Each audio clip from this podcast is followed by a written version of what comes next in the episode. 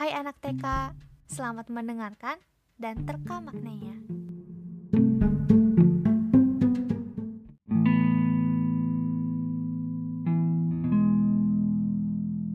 Someone like me right now be like, aku selalu saja pusing, memikirkan masa depan, seperti digantung, tak tahu akan dipakai oleh siapa, dan dipakai di tempat apa. Sangat berangan-angan berada di mimpi yang aku impikan sejak dulu. Memakai jas ini, atau bekerja di tempat itu, atau belajar di tempat ini. Pokoknya segalanya tentang masa depan.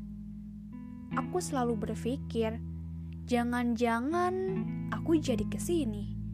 Eh, apa enggak ya? Eh, gimana ya kalau gini? Tapi gimana nanti kalau mimpi itu emang khayalan? Aku selalu overthinking, khawatir, takut ini, takut itu, takut resiko ini, takut resiko itu. Gimana pandangan orang lain tentang aku kalau aku di sini, kalau aku di situ? Kalau lihat orang lain yang udah dapet impian mereka, emang kadang terbesit. Aku kapan ya?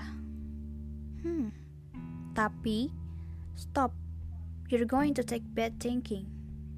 Udahlah jangan mikirin itu. Hmm, pusing lah. Pokoknya kalau mikirin masa depan, gak tenang, kegana pokoknya. Tapi, di balik ini semua, aku sadar aku bukan siapa-siapa. Aku gak bisa menentukan, aku hanya merencanakan. Allah lah yang atur jadi apa enggak. Kalau dikabulin berarti Allah restui kita di situ. Kalau enggak ya berarti ada sesuatu yang Allah pengen gak kena kita. Doa adalah senjata terampuh dikala semua overthinking dan gantungan belum ada yang ambil.